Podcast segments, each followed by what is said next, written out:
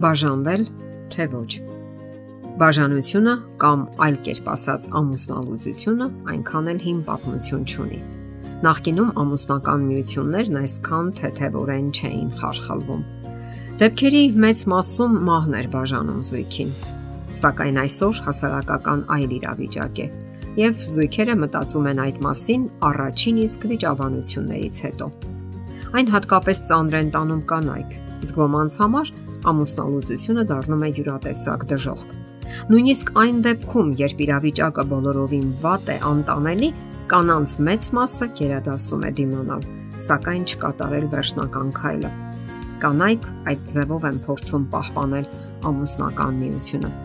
Վերջին հաշվով դա պատասխանատու քայլ է, քանի որ այս գործընթացին մասնակցում են նաև երեխաները իսկ կանայք ստանում են բաժանված խարանը, որը շատ դեպքերում վերածվում է այսպես կոչված սոցիալական մահվան։ Նրանց մեծ մասը հիմնականում այլևս չի կարողանում երկրորդ անգամ իր կյանքը կապել որևէ մեկի հետ, թեև որոշ երջանիկներ այնուամենայնիվ կարողանում են նոր կյանք սկսել։ Նկատենք, որ հեշտ է կատարել վճռական քայլը, երբ դիմացինը ալկոհոլամոլ է,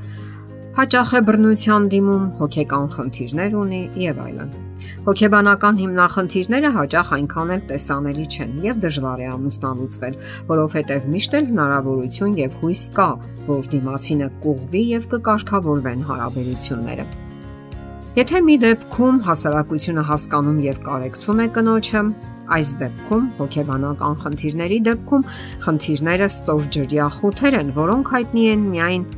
ամուսիններին եւ կողքից չի քաջալերվում նրանց բաժանությունը։ Մի կողմից էլ հարազատներն են անընդհատ միջամտում։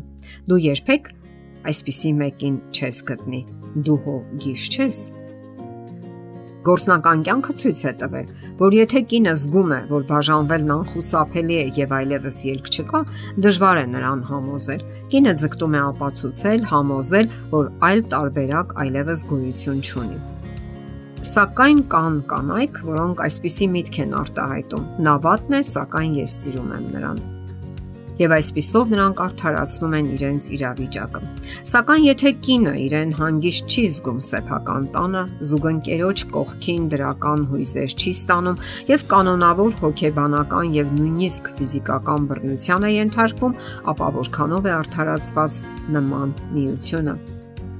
Տունն այդ դեպքում վերածվում է հոգեբանական համակենտրոնացման ճամբարի, իսկ ամենամտերիմ անznավորությունը անընդհատ վիրավորում ու նվաստացնում է քեզ, ոչնչացնում քո կենսական ուժերը։ Սակայն ուշագրավն այն է, որ հենց նման հարաբերություններն էլ բարդ է խզելը։ Հարցն այն է, որ արդեն հաստատված են լինում հուզական ուժեղ կապեր, ինչպես նաև ադրենալինային կախվածություն իրադարձությունները միշտ ընթանում են հետևյալ հաջորդականությամբ հանգիստ վիճակ, ապա լարվածություն, բռնություն, ապա հաշտություն, այսինքն ապարքեվատրում։ Եվ այս շրջանակը կրկնվում է ամեն օր։ Կանանց համար բարդ է դուրս գալ այս կարծես թե կախարդված շրջանակից, որովհետև նրանք պատրաստ են դիմանալու ամեն ինչի հանուն այդ վերջին ապարքեվատրման կամ հաշտության Դրանից բացի կինը ընկնում է տղամարդկային քաջալերման կախվածության մեջ եւ հարաբերությունների խզումը նրան աղետալի վերջաբան է թվում։ Ասենք որ նման հարաբերությունները ավելի շուտ նման են հիվանդության, քան սիրո, եւ երբ կինը ջանք է անում ազատագրվելու նման կախվածությունից, ապա լավ է դա անել մասնագետ հոգեբանի օգնությամբ։ Ինչ է կարծում, արդյոք դավաճանությունը կարող է բաժանության պատճառ դառնալ։ Բաժանությունը մարդկանց կյանքը բաժանում է երկու մասի՝ ինչև եւ հետո։ Որոշ զույգեր նման դեպքերում որոշում են լռել եւ չբարձրաձայնել հիմնախնդիրը, գերադասելով ապրել միասին, սակայն հարևանների նման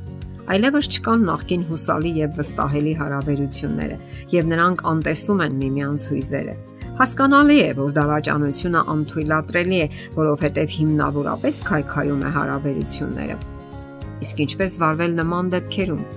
Նկատենք, որ ոչ մի հարաբերություն նման չէ մյուսին։ Պետք չէ կրկնօրինակել հարաբերությունները եւ վարվել այնպես, ինչպես վարվել է, ասենք, մեր հարևանը կամ մեր որևէ հարազատը։